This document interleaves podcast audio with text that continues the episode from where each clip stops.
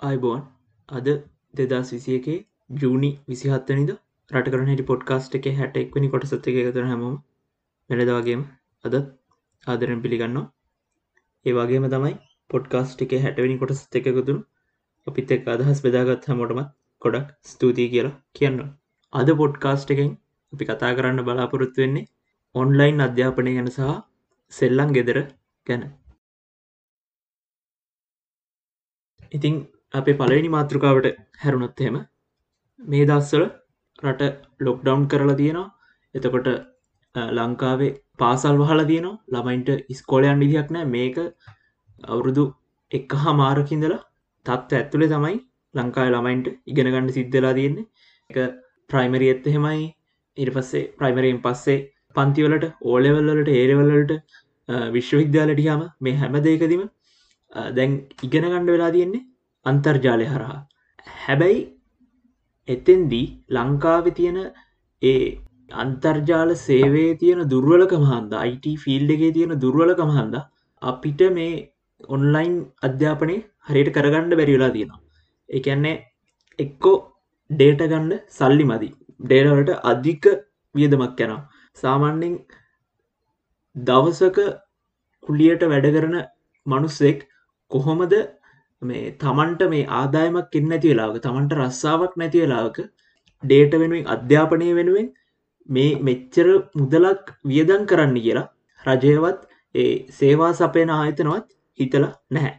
ඊළඟට ඩේට ගණ්ඩ සල්ලි තිබ්බන ඩේට ගණ්ඩ පුළුවන්කමක් වත්කමත් තියෙනවන ඊළඟ ප්‍රශ්නය වෙන්නේ කොළමින් පොඩ්ඩක් එලියට ගකමක් සිගනල් මති එතකොට ළමයි ගලක් උඩට හිල්ලා ඉගෙන ගන්න. වත්තු අපි දැක්ක වතුර ටැන්කිවඩ නැගල ඉගෙන ගන්න.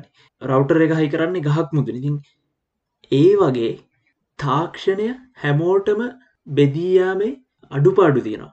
ජනාධිපතිවර එයාගේ කතාවෙදී ඊය කියනවා ලංකාවේ පාසල් දහදාහකට ෆයිබ ඔප්ටික් තාක්ෂණය ඉන්ටනෙට් දීලා තියෙනයි කියලමයනකට ඒ කොත්තනින් ආප එකක්ද දන්න හැ හැබැයි යථාර්ථය වෙන්නේ ලංකාවේ පාසල් ශිෂ්‍යන්ට විතරක් නෙවෙයි විශ්වවිද්‍යාල ලිගෙන ගන්න ළමයිට පා ඉගෙන ගණ්ඩලා තියන්නේ ගස් උඩ නැකලා වතුර ටැංකිවුඩ නැකලා කන්දක් උඩ නැකල මේ වගේ එකර ඔන්ලයින් අධ්‍යාපනය ජෝක එකක් වෙන දැනට වැටලා තියෙනවා.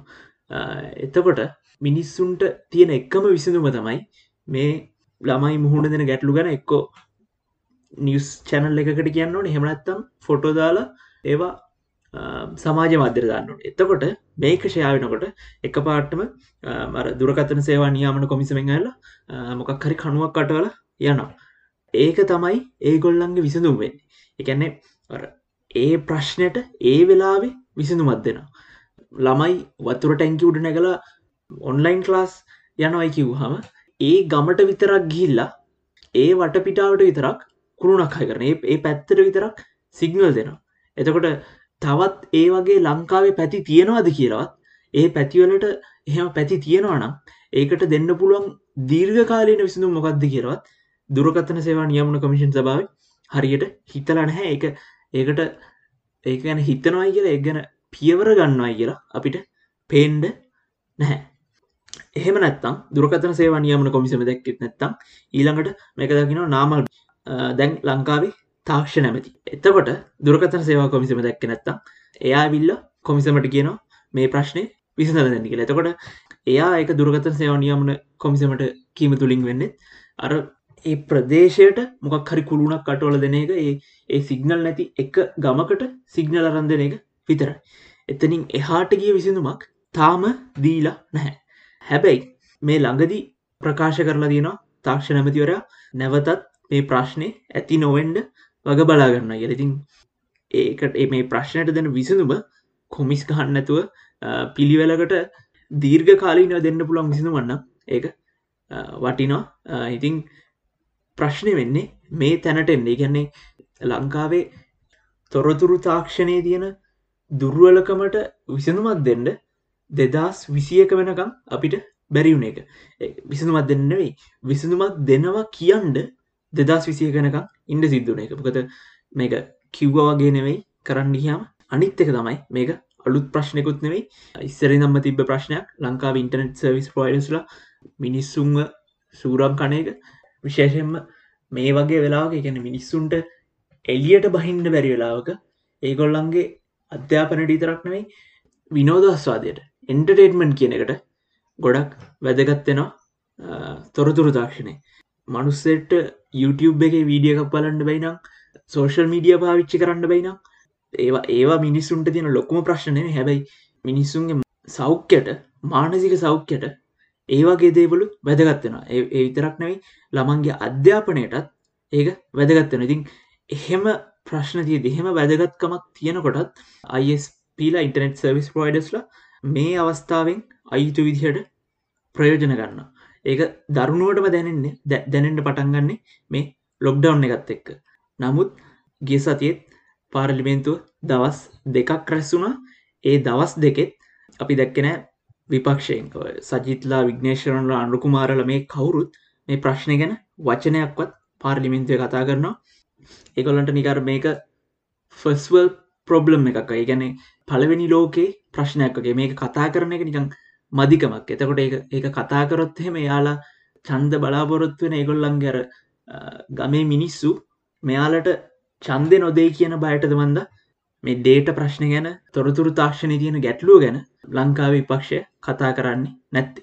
හැබැයි එහෙම ඒගොල්ලො කතා නොකරන එක හන්දම තමයි අද වෙනකොට තොරතුරු තාක්ෂණය කියන මේ ඩේට ඩේටත් එක්ක තියෙන ප්‍රශ්නයෙන් ලංකාවේ අඩු ආදායම්ලාබී පවුල්ලොල ළමයින්ට ලොකු කරදරයකට මුණ දෙන්න සිද්ධ වෙලා තින්නේ එක අඩු ආදායම් ලාබී තරක්නේ යමක්කම කරගණ්ඩ පුළුවන් මිනිස්සුන්ට පවා මේ වෙනකොට අතට සල්ලියෙන් නැති හන්ද ළමයින්ගේ අධ්‍යාපනය වෙනුවෙන් ඩේටවලට මුදල් වියදන් කරන්න බැරි තැනකට රට ගිල්ල තිනවා මේවට තමයි ජනාධිපති කොමිසම් දාන්න ඕනේ. එතකොට ජනාධිපති කොමිසමක් දාලා ඩයිලෝග් එක ටෙලිකොම් එක මොබිටෙල්ල එක එකට ගෙන්න්න ඕනේ. දුරකතන සේවා නියාමන කොමිසම එකට ගෙන්න්න ඕනේ. පාරිභෝගිකයෝ නියෝජනය කරන මොකක් හරි ව්‍යාපෘතියක් සංගමයක් තියෙනනම් ඒවා මේ කොමිස මිස්සරහට ගෙන්න්න ඕන ජනාධවිති කොමිස මිස්සරහට ඊට පස්සේ කොමිසම් බලන්න ඕනේ ඇයි මෙච්චර දුර්වල සේවයක් ලංකා මිනිස්සුන්ට ලබා දෙන්න කියලා. එත්තකොට එතෙන්දි දෙන නිර්දේශ මත එහෙම එහෙම නිර්දේශ ගන්න කල්යනවනම් ඊට අඩිය වේගවත් යාන්ත්‍රණයක් ඇතුළේ අමාත්‍යංශය බලන්න ඕනේ තොරතුර දක්ෂ අමාත්‍යංශය බලන්න ඕනේ.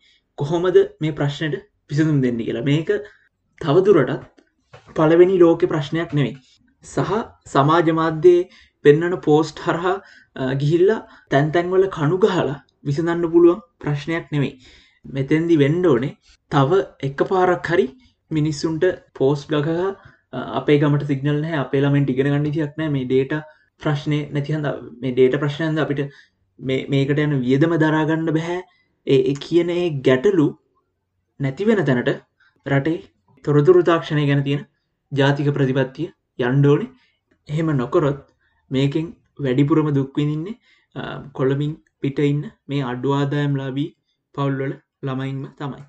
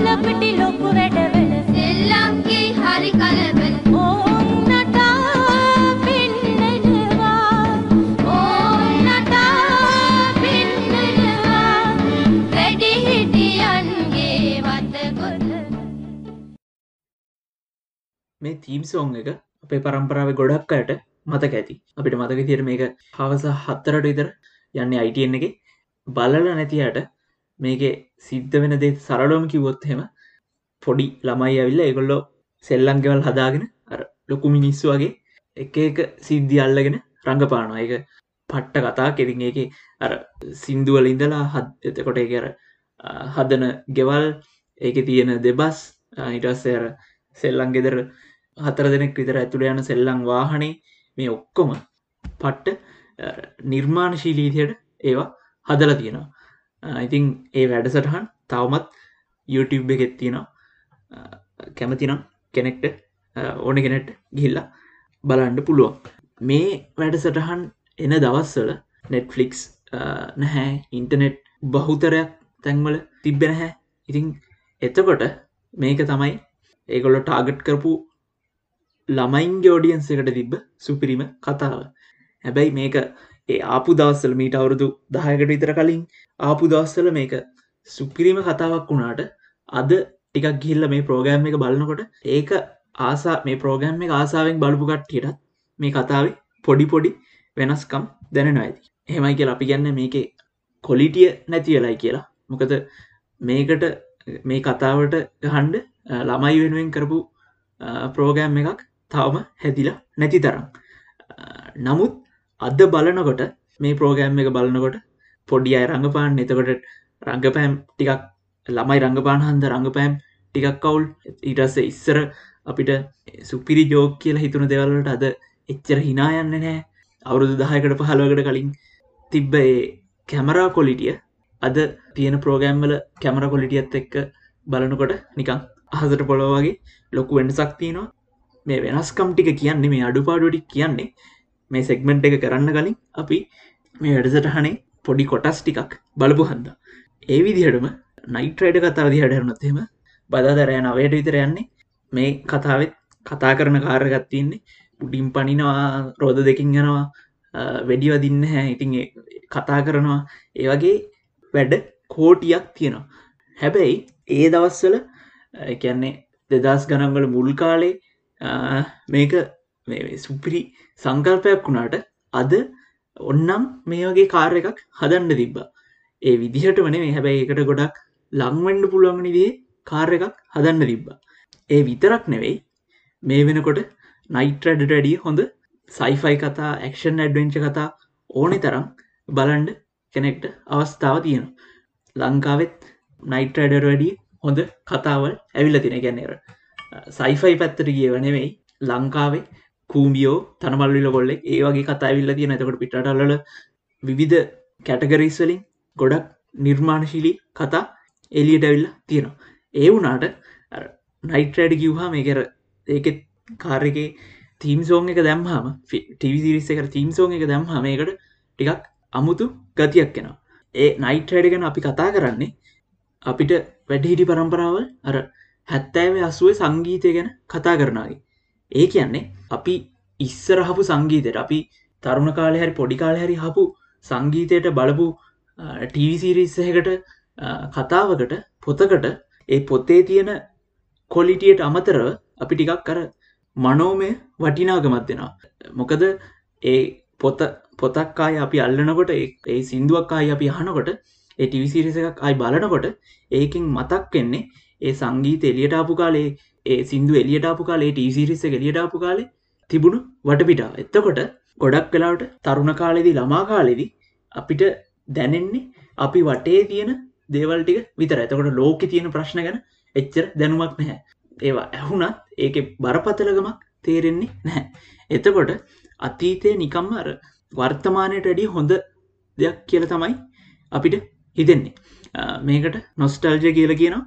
සිංහලෙන් අතීත කාමය කියලා වචනයකුත් පාච්චන එක ඇත්තටම හරි වචනද කියන්න දන්න හැ නමුත් මේ අතීත ගාමය හරි නස්ටල්ජ කියනක හරි තේරුම තමයි සරල අතීතයකට එක අපේ අතීතයකට තියෙන කැමැත් මේක ටිකක් මනුස්සෙක්ගේ මොලේ ඇතුළ සිද්ධ වෙන සංකීරණ හැඟීමක් කියල තමයි හඳුන්වාදෙන් හැබැයි අපි කිව්වෝ වගේ නොස්ටල්ජක හන්ද අතීතකාමය හන්ද අපි අතීතය මතක් කරනකොට ඒක ටිකක් ඇත්ත රූපෙන් වෙනස් වෙනවා. සෙල්ලම් ගෙදර මේ තීම්ම ඇහෙනකොට අතීතයට ගියාට ඒ ඒ දවස්වල අපේ ළමාකාලෙ පට්ට කියලා හිතුනට ඒ දස්සල නයිටඩගේ දස්සල සෙල්ලං ගෙදර ගේ දස්සල ලංකාවට සුනාමියක්කාව ලංකාවේ යුද්ධයක් තිබ්බා. ඉතිං ඒ වුනාට අර අවුරුදු දහය දොළ විතර ළමයින්ට දළදේශි නිෂ්පාදනය ගැන නයබරගෙන සුනාමී ගැන යුද්ධය ගැන එහෙම ලොකු මතකයක් නැගනිකර තිබ්බා. නමුත් දැන් නයබරගෙන දැන් දළදේශි නිෂ්පාදනය ගැන හිතෙන බර ළමා කාලෙදි ඒක හිතෙන්නේ නැහැ. ඉතින් ඒක හන්දා සෙල්ලම් ගෙදර මේ සිින්දු ඇහෙනකොට නයිට්‍රඩ එක තීම්ම ඇහෙනකොට අතීතයට ආසාාවක් ඇතිවන එක වර්තමානයට වැඩිය හොඳයි කියලා හිතෙනවා. ඉතින් මේක අපි අයි මෙච්චර විස්තර කරන්නේ? ජූනි විසිතුන් වැනිද රනිල් වික්‍රමසිංහ හිටපු අගමැතිවරයා UNP එක එක්කම ජාතික ලයිස්තු මන්ත්‍රීවරයා හැටියට ඒ UNP එකට හම්බුණ ආසනේ පාර්ලිමේන්තුවේදී දියුරුම් දෙනවා. එතකොට මෙයා පාර්ලිමේන්තුව දියුරුම් දෙනවත් එක්කම මේක ගැන් රනිල් ගැන නිසදැස්ලියනවා පරණ වීඩියෝස් එලියටෙනවා එයා කරපු ඉන්ටයස් සංසරණය වෙන්න පටන්ගන්න ඒ සෙක්මන්ස් මිනිස්සු දාලා වගෙන කතා කරන්න පටන්ගන්න එත්තකොට අර අගමැතිවරය වෙලා ඉන්න කාලේ කුණු බැනුම් හපු මනුස්සයා අදවනකොට වර්ණනා කරන තැනකට සමාජය ඇවිල්ල තියෙනවා. පන්සල් ගාන යනවා නළුවෙක් නෙවෙයි මොලයක් කියලගෙන මොලගෙනපු නැවක් කියලගෙන ත්‍රිකෝණ නාලිකාව කටවු් ගාන ඒවගේ ඒ වගේ මිනිස්සුන්ට අමතක වෙලා තියෙනවා. මෙයාට තිබ්බ චෝදනා ගැන. මෙයා වැරදි කරාද නැද්දි ගෙනක එක අධිකරණයට තියෙනට නමුත් චෝදනා තියෙන පුද්ගලෙක් බැඳුම් කර සිද්ධේද දැන් මේක කියල කියලම ඇති වෙලා වුණාට මහ බැංකු බැඳුම් කර සිද්ධියදී ලංකාවේ අගමැතිවරයා. පාස්කු ප්‍රහාරය වෙලාවේ ලංකාවේ අගමැතිවරයා. එතකොට තමන් ඒ වෙලාවෙ තමන්ගේ වගකීම පැහැරහැරිය කියලවත් පිළිගණ්ඩ කැමති නැති තමන්ට එතැන්දි වගකීමක් තිබ්බ කියලත් පිළිගන්න කැමති නැති අසාර්ථක පාලකෙක්ට තමයි අද නිසදැස්ලී වෙන යාගෙන තමයි මේ වීඩියෝස් කරන්නේ. ඒ පාස්කු ප්‍රහාරවලට මහ බැංකු බැඳුම් කර සිද්ධියට මෙයා කොච්චර උදවුනාද ඒවා නවත්තන්ඩ ඒවා වලක්වන්න ඒවට විරුද්ධ ක්‍රියාමාර්ග ගණ්ඩු දව කරාද කියන එක අපි දන්නේ නැහැ. ඒ වුනාට එතෙන්දි අඩුපාඩුවක් සිද්ධ වුණා. ඒ අඩුපාඩුවට තමන් අනුබල දුන්න හෝ නැතා ඒ අඩුපාඩුව සිද්ධ වුණ වෙලාවේ අගමැතිවර හැටියට ඒක පිළිගණ්ඩ බැරි මනුස්සෙක්ට ඇයි අපි අද ගුණවරණන කරන්නේ. අපිට හිතනතියට මෙතැන්දි තියෙන්නේ අර නස්ටල්ජ කියනකෙම අතීතකාමය කියනකෙම එක කොටසක. ඒක ඒක තමයි අද මේ රනිල්ගේ වාසියට ඇවිල්ල උදව්වෙන්නේ මුලින්ම අපි නස්ටල්ජ ගැන විස්තර කරනකොට කිව්වා මේ අතීතකාමය කියනකෙදී වෙන්නේ අපේ අතීතය නිකම් පට්ට සුභවාදී තැනක් කියලා කියනවා. ඒක තිබ්බ අඩුපාඩු ඒක තිබ්බ වැරදි වර්තමානයත් එක්ක බලනකොට හොඳයි. අපිට ඒව අමතක කරන්න පුළුවන් වගේ හැඟීමත් තමයි මිනිස්සුන්ට සාමාන්‍යෙන් දැනෙන්නේ. අද වෙනකොට රටේ අසාර්ථක භාවය දැකලා මිනිස්සු කියනවා ඒකට රනිල් මහත්තයගේ කාලනේ ඒ කාලේ මිනිස්සුන්ට භාෂණය නිදහස තිබ්බා. ඒ කාලෙ මිනිස්සුන්ට පාර බැහලයන්න පුළුවන් වුණා. ඒ කාලේ ණය ගැනීම් ගැන ප්‍රශ්න තිබෙන හැ කියලා මිනිස්සු කියනවා. හැබැයි රනිල් අගමැති වෙලා ඉන්න කාලෙත් ලංකාවේ සමාජ මාධ්‍යවලට වාරණ දැම්ම. එයා වටේ ඉඳපු සහ එයාගේ අමාත්‍ය මණ්ඩලේ ඉඳපු අමාත්‍යවරු අමාත්‍යවරුන්ට අයිතිකාරයෝ නැති අපාර්ට්මන්් හම් වෙලා තිබ්බ. ඉතින් එතකොට අපිට අමතක වෙනවා මේ දැන් තියෙන ප්‍රශ්නවල බලපත් බරපතරකමත් එක්ක රනිල් කියන්නේ අසාර්ථකුණු පාලකෙක් කියලා. ඉතිං එයා පාර්ලිමේන්තුවට ඇවිල්ලා මෙච්චරකල් අසාර්ථක වෙලා දෙදස් විසියකෙත් පාර්ලිමේන්තුවට ඇවිල්ලා රනිල් ගහන්ඩයන එන්ගේම් එක එයාගේ සැලැස්ම එයාගේ අවසාන අරමුණ දන්නේ රනිල්ම තමයි. හැබැයි එයාගේ ඒ සැලැස්මට එයාගේ එන්ගේම් එකට අහුවෙන හැම ලාංකිකෙක්ම ලැජ්ජ වෙන්න ඕනි මේ විදිහට මෙච්චරකල් මුළු රටක් රවට්ටපු මනුස්සෙක්ට තවදුරටත් රැවටෙනවන ඉතිං අපිට කියන්න තියෙන්නේ තවදුරටත් පාර්ලිමේන්තුව මහින්දගේ රනිල්ගේ සජිත්ගේ සෙල්ලම් ගෙදර කරන්න ඉඩ දෙන්න එපා. මේ වගේ මනුස්සෙක්ට සහ මෙයාගේ අනි පැත්තින්න මනුස්සෙන්ට අවුරුදු හතලයක් රැවටුන හැමෝටම කියන්න තියන්නේ රැවටුනා ඇති ඕගොල්ලන්ගේ අතීතකාමෙන් දැන් එලියටෙන්ඩ